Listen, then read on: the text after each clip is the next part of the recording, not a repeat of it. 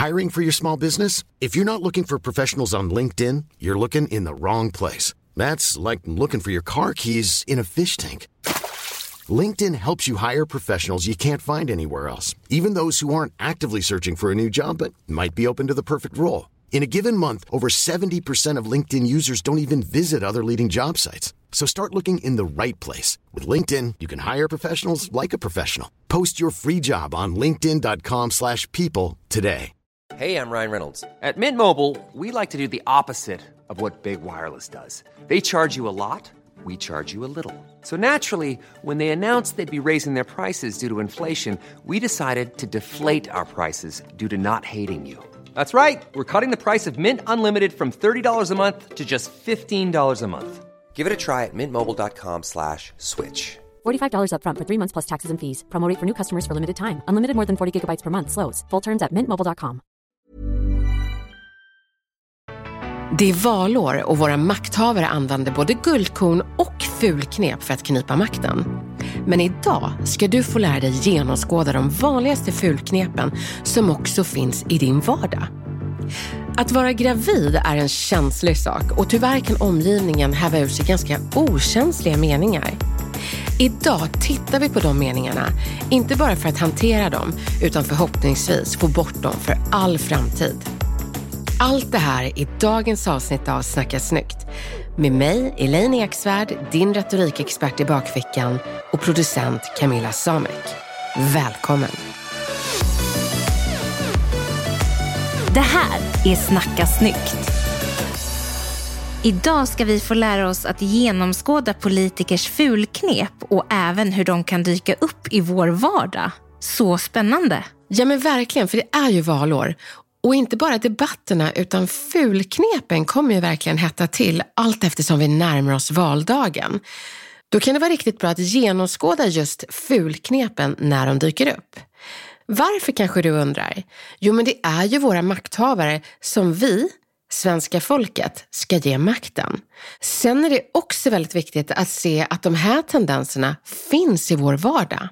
Så det är inte bara viktigt att veta vem man röstar på, utan också genomskåda när de har tendenser till de här fulknepen mot varandra. Det är också viktigt att se de här tendenserna i din vardag. För vet du, de finns där. Så nu ska du få lära dig att känna igen vanliga fulknep i politiken som också kan dyka upp i din vardag. Associationsskuld. Det är när politiker försöker hitta gemensamma nämnare mellan sin politiska motståndare och någon väldigt, väldigt dålig. Det kan vara att man kan säga det att, aha, så du är vegan? Det var även Stalin. Ni har säkert en massa dåligt gemensamt. Man tar någonting litet och knyter det till hela värderingsgrunden, trots att det inte alls går att dra sådana växlar. Så för att förstå associationsskuld så handlar det om att dra stora växlar på små gemensamma nämnare. Det kan låta så enkelt och ofarligt, men associationsskuld är värre än man kan tro. Det är när man har en dålig erfarenhet av en person från, ja men säg Iran och drar alla persiska personer över en kam för att de kan associeras med den iranska personen som du ogillar. Och hur kan de associeras med den personen du ogillar? Jo, det är en gemensam liten nämnare, det geografiska ursprunget. Galet kanske du tänker. Men associationsskuld är ju urkorkat. Hur kan folk gå på det? Jo, för att hjärnan tycker om enkla förklaringar. Så har vi blivit puttade av en vit medelålders man i, säg kollektivtrafiken, så kommer vi haja till när vi ser sådana filurer som honom framöver. Men bara att vara medveten om att vi har den där mindre begåvade tendensen att dra alla över en kam, det är ett bra steg på vägen till att inte bli exempelvis rasist. Är man rasist, då tror man på associationsskuld, som att en mörk hudfärg är mer än bara ett pigment och kan associeras med till exempel kriminalitet. Som en person som är mörkhyad är dum så måste alla mörkhyade var dumma för att nej, den gemensamma nämnaren är ju inte att alla gjort dumma saker, utan den gemensamma nämnaren är att ni har mörk hy. Då förstår du associationsskuld. Men vi ska inte fördjupa oss i de rasistiska premisserna utan det är när associationsskuld har dragits väldigt långt. Om vi drar tillbaka det till den politiska debatten så kan det vara när de knyter samman varandra till mindre smickrande värderingar bara för att de kanske delar åsikter i vissa sakfrågor. Jag ska ge ett exempel. Vi låtsas att Vänsterpartiet och Sverigedemokraterna är överens i en sakfråga. Då kan ett ytterligare tredje parti utnyttja det här, använda fulknepet associationsskuld och säga ah, ni två är överens. Ni måste ha väldigt mycket gemensamt i värderingarna. Det här blir ju en förolämpning både mot Vänsterpartiet och Sverigedemokraterna för de vill inte associeras med varandra bara för att de har en gemensam nämnare, åsikten i en sakfråga. Så det är viktigt att kunna genomskåda när partiledare utnyttjar associationsskuld. När man märker att två stycken är överens i en liten sak, men då gör man dem till två partier som till exempel krokar arm. Kroka arm är ett vanligt uttryck som partiledare använder när de använder associationsskuld. Det är viktigt att genomskåda det. Och om vi tar det här till din vardag så är det viktigt att veta att du kan vara överens om saker med folk som du inte tycker om. Det betyder inte att ni är lika, utan att ni delar åsikt i en sak. Låt ingen försöka sammanföra er som värderingskloner, för det är det där fulknepet associationsskuld. Hur hanterar du det? Jo, du erkänner er gemensamma ståndpunkt i frågan, men betonar avståndet i värderingar. Sen ska du säga att man kan hålla med i sak utan att dela grundvärderingar.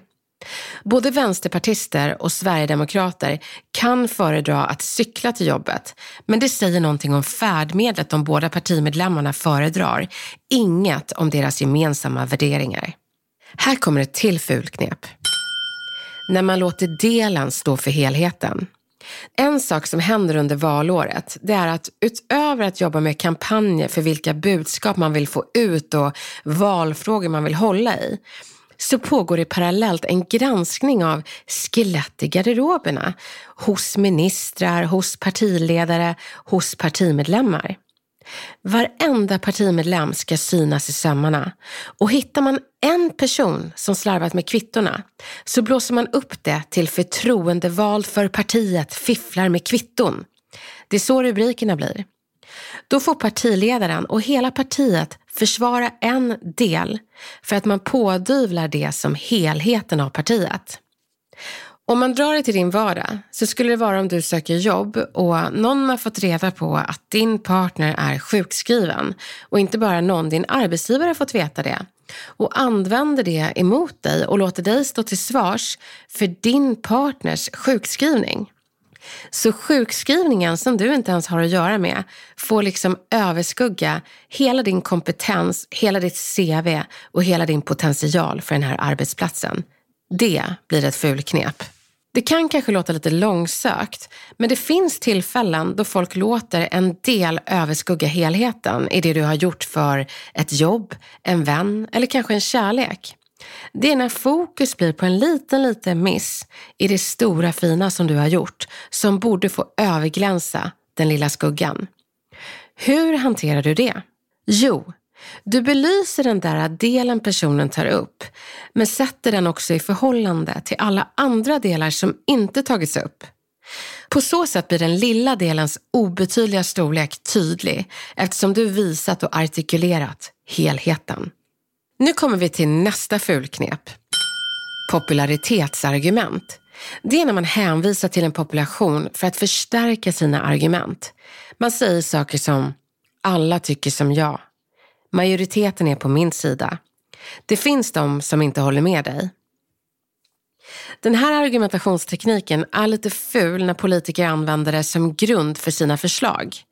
De kan till exempel kidnappa folkets oro, det vill säga att undersökningar kanske visar att 70 procent av Sveriges befolkning faktiskt tycker att gängkriminaliteten är ett stort problem i Sverige. Det kan vara fakta, men fulingen här blir när partiledaren säger Därför måste vi.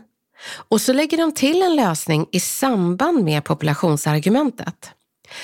Att folk har en gemensam oro behöver inte betyda att de ser samma orsak till problemet och inte heller lösningen till samma problem. Dimensionerna och skillnaderna kan vara enorma trots en gemensam problembild. Men partiledare kidnappar populationens problembild för att marknadsföra sin egen tolkning av både orsak och också lösning. Gå inte på det fulknepet. Om vi kopplar det till din vardag så kan det vara folk som vill att du ska tycka en sak för att alla tycker så. Då ska du dra fokus från populationen och gräva efter de där argumenten som man behöver för att bli övertygad. Så säg så här. Jag förstår att du säger att alla tycker så, men berätta mer om varför jag ska tycka så. Och då vill jag höra argument utöver att alla tycker så. Nästa fulknep är tidsargument. Det kommer i meningar som så här har vi alltid gjort. Därför ska vi inte göra på annat sätt. Det kan vara när politiker inleder en argumentation för att övertyga svenska folket med att säga jag har jobbat som politiker i 20 år. All ära till hur länge man har jobbat med någonting, men det som övertygar oss ska inte alltid vara tiden de har varit på platsen, utan förslagen de har för Sverige. Så gå inte på tidsargument. Det är oftast brist på andra argument för att övertyga dig. Om vi drar det till vardagen så kan det vara att du sitter i en bostadsrättsförening och någon säger “Jag har suttit i den här bostadsrättsföreningen i 15 år, jag vet”. Det är ett sätt att trycka ner dig, men det är inte ett sätt att övertyga dig. Det du ska göra då är gärna att säga, men jag är fullt medveten om att du har suttit här. Men det jag undrar är, varför tycker du att förslaget är dåligt? Och då skulle jag vilja höra mer argument än hur länge du har jobbat här. Jag vill förstå hur du tänker. Det kan också vara att en person säger, det här har vi testat förut, det funkar inte. Då kan du svara, det finns en tid för allt, kanske tid att testa nytt. Nu kommer vi till ett jobbigt fulknep. Förlöjligande. Det är när man drar fokus från sak till att förlöjliga personen. Det låter ungefär så här. Du är så arg.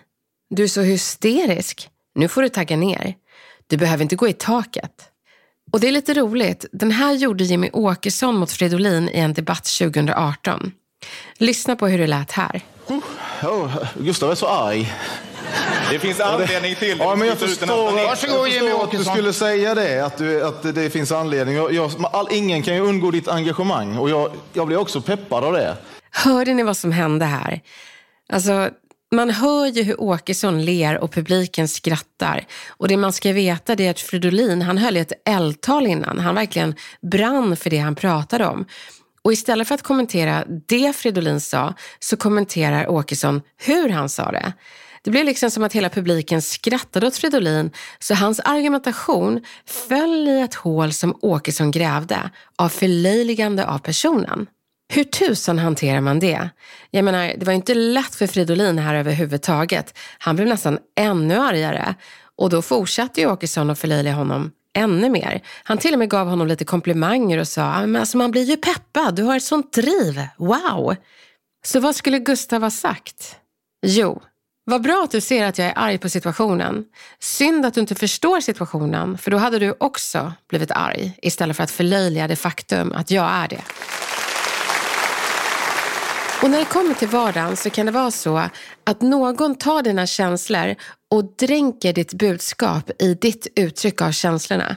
Och då är det viktigt att du vågar plocka upp ditt budskap och äga dina känslor samtidigt. Det är okej att vara engagerad. Det är ingenting man ska förlöjligas för. Så till exempel på jobbet, där du ska presentera en idé för dina kollegor och du är engagerad, så kanske någon annan kollega säger oj, oj, oj, vad mycket engagemang. Det är liksom bara snurra runt som ett fyrverkeri. Då tycker jag att du ska äga det fyrverkeriet och säga vad roligt att du ser mitt engagemang. Men om du lyssnar lite mer på det jag har att föreslå så kommer du nog också få samma engagemang. Så poängen är att äg och skäms inte för känslorna som någon annan försöker förlöjliga. Utan äg dem och plocka upp budskapet på samma gång. Det sista fula knepet är falskt dilemma. Det är när folk ställer två alternativ mot varandra. Och det funkar väldigt bra i ett samhälle som har liksom en religiös grund där det finns liksom en satan och en sorts gud. Ett ljus och ett mörker. Tar vi det till politiken så handlar det om när partiledarna gör sitt parti till ytterligheten av det goda och ett annat parti till ytterligheten av det onda. Det kan låta så här. Antingen röstar ni på mitt parti för en framtid som är ljus för Sverige. Eller så röstar ni på det där partiet och det blir mörker och förödelse. Jag visste att ni skulle känna igen det. Visst låter det lite som amerikansk politisk retorik? Helt korrekt. Och det är ju aldrig så enkelt som att det antingen är mörker eller ljus som vi röstar på. Hur hanterar man då falskt dilemma? I vardagen är det inte så att du kommer målas upp som Satan och någon annan som Gud. Utan det kan vara när du ska träffa en bankperson och eh, hen låter dig välja mellan två boräntealternativ. Då ska du tänka, haha, falskt dilemma. Och så frågar du vad det tredje alternativet är. Det kan också vara när du sitter på en restaurang och någon säger, vill du ha den här eller den här rätten? Då kan man tro att det bara finns två alternativ. Men oftast är det så att servitören kanske känner att det är tungt i köket nu och vill bara presentera två alternativ som snart är färdiga. Men du är ju där för att betala för mat som du vill äta. Så våga fråga om det tredje eller kanske fjärde alternativet. Men ibland så kan man ju faktiskt använda falskt dilemma när man till exempel vill att barnen ska borsta tänderna. Vill du använda den röda eller blå tandborsten? Och då får de en känsla av att de har makten, men egentligen så väljer de på dina två alternativ. Fulknep i vardagen kan man använda ibland. Särskilt när det är oskyldigt. Så när det kommer till att ge rätt personer makten i Sverige så är det väldigt viktigt att genomskåda de här fulknepen och inte bli övertygad av dem. Utan istället bli övertygad av argument som visar på ett Sverige som du vill leva i och som du tror kommer bli mycket bättre än det vi har till exempel idag. Rösta på en lösning och en framtid. Det är faktiskt inte alla partier som presenterar det så tydligt utan man berättar vad man tycker är fel men inte på hur det kommer bli rätt. Där kan du som svensk medborgare faktiskt ställa frågor och säga nu förstår jag vad ni tycker är problemet men kan ni berätta vad ni ska göra för att lösa det? Och när det kommer till din vardag så hoppas jag verkligen att du har upptäckt genomskådat och hanterat de här fulknepen. De ska inte ha inverkan i ditt liv för att du ser när de kommer. Lycka till!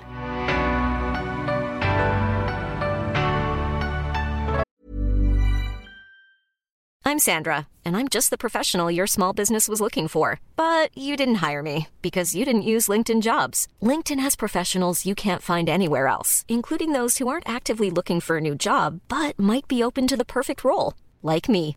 In a given month, over 70% of LinkedIn users don't visit other leading job sites. So if you're not looking on LinkedIn, you'll miss out on great candidates like Sandra. Start hiring professionals like a professional. Post your free job on linkedin.com/people today. Everyone knows therapy is great for solving problems, but getting therapy has its own problems too, like finding the right therapist, fitting into their schedule, and of course, the cost. Well, BetterHelp can solve those problems. It's totally online and built around your schedule. It's surprisingly affordable too. Connect with a credentialed therapist by phone, video, or online chat, all from the comfort of your home. Visit betterhelp.com to learn more and save 10% on your first month. That's BetterHelp, H E L P.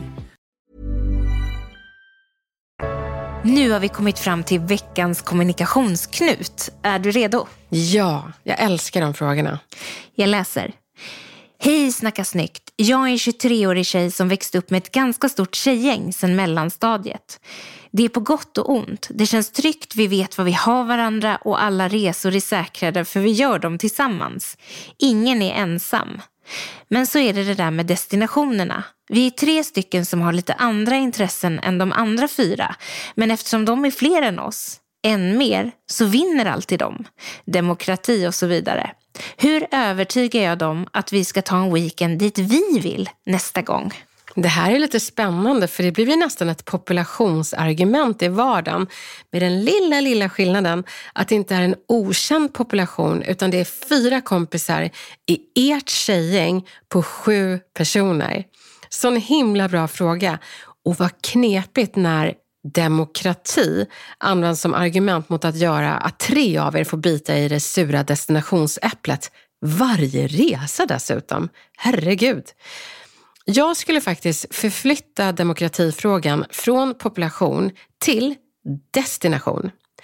Helt enkelt köra argumentationstekniken varannan gång. Och ni tre har ju några gånger på er med tanke på hur många gånger ni har hakat på. Så jag skulle rada upp alla gånger som ni har gått med på diverse destinationer och att ni nu vill åka till en annan plats. Men jag skulle också göra någonting fiffigt när det kommer till den här destinationen som ni tre vill åka till. Retorik, det är konsten att övertyga andra.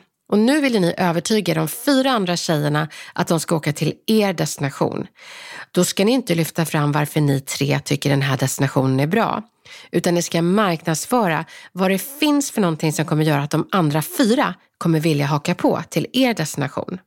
Så kan man göra till en början bara för att vända skutan så att ni får åka iväg någonstans ni vill framöver. Men fortsättningsvis så skulle jag verkligen försöka lämna min tur, din tur argumentationen och försöka mötas på mitten så precis alla får en bra semester. Det måste finnas platser där båda delar i gänget hittar något för alla.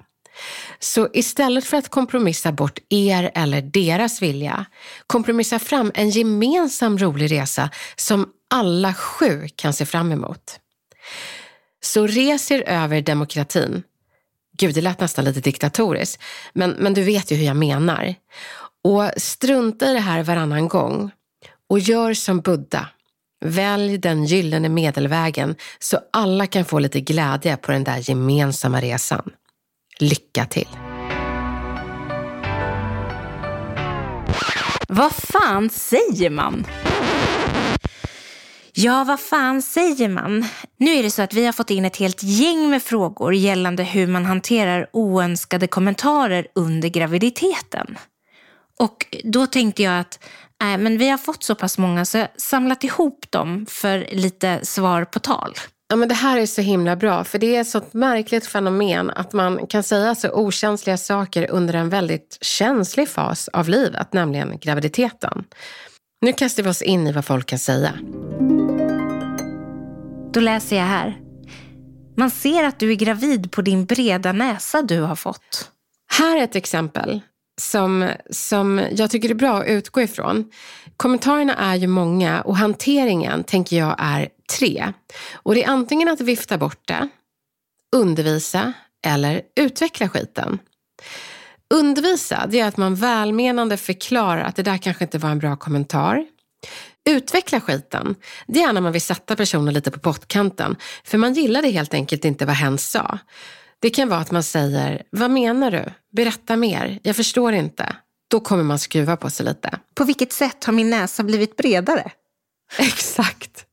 Det blir ju otroligt obekvämt. Väldigt. Hur hade du gjort då Camilla, när man säger, man ser att du är gravid på din breda näsa? Men jag hade väl sagt någonting i stil med ja, jag är lite svullen just nu eller jag har också hört att man kan få större näsa under graviditeten. Jag vet faktiskt inte vad jag hade sagt. Nej, vad du, du hade liksom så här viftat bort det lite snällt. Tror ja. det faktiskt.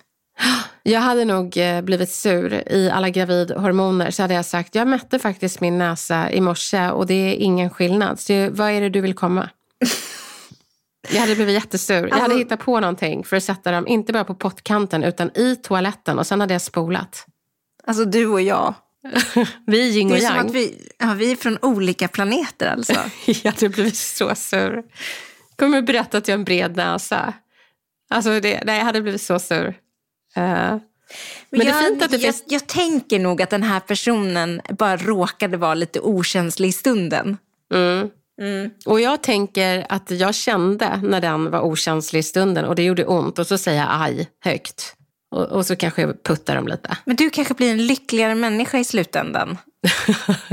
ja, och du kanske går hem och tittar dig själv i spegeln och mäter näsan.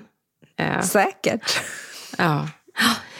Det finns inte ett sätt utan det finns flera sätt. Men se till att hitta rätt sätt beroende på vem som säger det. Nu tar vi nästa mening. Oj, vad stor du är. Är det säkert att det inte är två där inne? Här tycker jag att man ska utveckla skiten för att det är en ganska speciell kommentar. Inte bara att man får en kroppskommentar utan också en spekulation kring hur många bebisar man har i sin mage. Så då skulle jag nog lite nyfiket fråga, Vad menar du? Ja, du är stor och jag tänker, finns det två där inne? Och jag tänker att eh, man ser ju väldigt tidigt på ultraljud hur många det är. Eh, så det är klart att jag är säker. Och då kan man ju faktiskt passa på att undervisa lite och säga det. Du vet ju precis som jag att eh, ultraljud visar hur många det är. Och att både kommentera min kropp som stor och eh, spekulera i hur många det är, det känns inte så snällt. Du menar säkert ingenting illa, men jag skulle nog inte säga så fortsättningsvis till gravida alls. Vi tar en till. Och har det redan gått upp så mycket? Jag röstar på utveckla skiten här. Mm. Det finns ju ingenting man kan säga efter det. För det blir så tydligt att det där var inte så bra sagt. Så att med utveckla skiten så kom gärna med undervisa och säg det. Jag tycker inte att uh, du behöver kommentera att uh, du tycker att jag har gått upp i vikt. Utan du kan bara säga hej nästa gång. Det där var faktiskt lite sårande. Mm. Men sen har vi också fått in eh, en eh, fråga kring eh, någon som har fått en kommentar om vad liten du är. Ja, och här är det också, oavsett hur stor man är, liten eller stor, så eh, ger det liksom mamman dåligt samvete. För är man för stor så tror väl folk att ja, vad sköter hon inte sin hälsa? Är man för liten så kan folk tycka att tänker hon inte på sitt barn? Så eh, att kommentera kroppen i förhållande till ens graviditet är ganska okänsligt. Så där tänker jag att man kan säga det att vet du, när du säger så så känner jag att eh, jag kanske inte tar hand om mig själv eller bebis och jag gör så gott jag kan. Bebis mår bra, jag mår bra, så nästa gång kanske vi bara kan säga kul att se dig. Här kommer det ju handla jättemycket om vem man är som person och vad man faktiskt eh, vågar och mäktar med att säga eller tycker känns rimligt att säga som svar på de här frågorna. Att, att eh, utveckla skiten eh, kan ju vara jättebra i många sammanhang därför att personen i fråga kanske lär sig att så här kan man ju inte prata till en gravid person. Alltså det här Nej. får jag inte göra om. Nej men precis, jag kan önska att gravida personer faktiskt sätter ner foten åt sådana här kommentarer. För de här meningarna har levt vidare så himla länge för att vi har viftat bort det. Men det man glömmer bort är att man viftar fram det till nästa generation av gravida kvinnor. Så därför kan det vara bra att vi utvecklar skiten framöver. Och så har vi den sista spekulationsmästarkommentaren. Nu är det nog snart dags va? Då tycker jag man kan säga, den ska man vara lite försiktig med att säga, för det är så olika det där med hur man ser ut innan förlossning. Jag är faktiskt bara i fjärde månaden. Oj, då var det många månader kvar. Då var man antingen eh, lite stor eller så var den andra stor i munnen. Men det är i alla fall ett stort skäl att inte säga nu är det snart dags. Och för att bara avsluta det här så tänker jag att att vara gravid är en känslig sak. Därför känns det så skönt att reda ut de här okänsliga meningarna som folk säger till gravida kvinnor år efter år. Men det kanske är så att du inte är som den här gravida Elaine som blev arg på de här meningarna och varje gång ville utveckla skiten. Utan du kan lika gärna vifta bort det, du kan undervisa lite snällt eller så kan du bara rycka på axlarna och tänka att det här var ingen stor grej. Men om du känner att du var över gränsen så är det helt okej att förmedla det på ditt sätt. Men min förhoppning är ju att du som är gravid ska slippa hantera de här okänsliga meningarna och folk bara ska bita sig i tungan framöver. Det här avsnittet är en god bit på vägen för att få bort de här meningarna. Men Elin, när man känner igen sig då? Om man har kläckt en sån här mening och så är man ju lite ledsen för det och så tänker man fan, det var ju inte bra alltså. Ja, men då finns det ett jättebra ord och det är förlåt. Det brukar smälta det mesta. Kan man göra det retroaktivt eller ska man bara strunta i det? Nej, jag tycker man ska göra det retroaktivt också. Berätta. Nej, men jag tänker bara att man kommer på, men gud, jag sa ju det här till min kompis när hon var gravid i fjärde månaden. Och det kan vara så att det var två år sedan, men om du grubblar på det så kan det vara bra att få ur det ur ditt system. Och säga det, du, jag tänkte på en klumpig sak jag sa för två år sedan. Förlåt. Den här kompisen tänker förmodligen inte ens på det, men tycker ändå att det är fint att du tänkte på det och tog dig tiden att säga förlåt. Så det finns inget bäst efter-datum för när du kan säga förlåt, bara du säger det. Tack ni gravida som har skickat in de här vad fan säger man situationerna. Det är så många nu, förr och tyvärr i framtiden som kommer känna igen sig. Men skillnaden är att nu har vi verktyg att hantera dem snyggt. Lycka till! Nu har du lärt dig några av retorikens fulknep, så nästa gång någon presenterar ett falskt dilemma till dig kommer du fråga om det tredje eller kanske fjärde alternativet. Och population i all ära, men du vill ju ha argument. Och så hoppas jag att den där tjejresan blir en kompromiss av alla personers vilja istället för att ge upp för demokrati i ett väldigt jämnt semesterval. Alla borde få njuta av den gemensamma semestern. Ett varmt lycka till så hörs vi snart igen.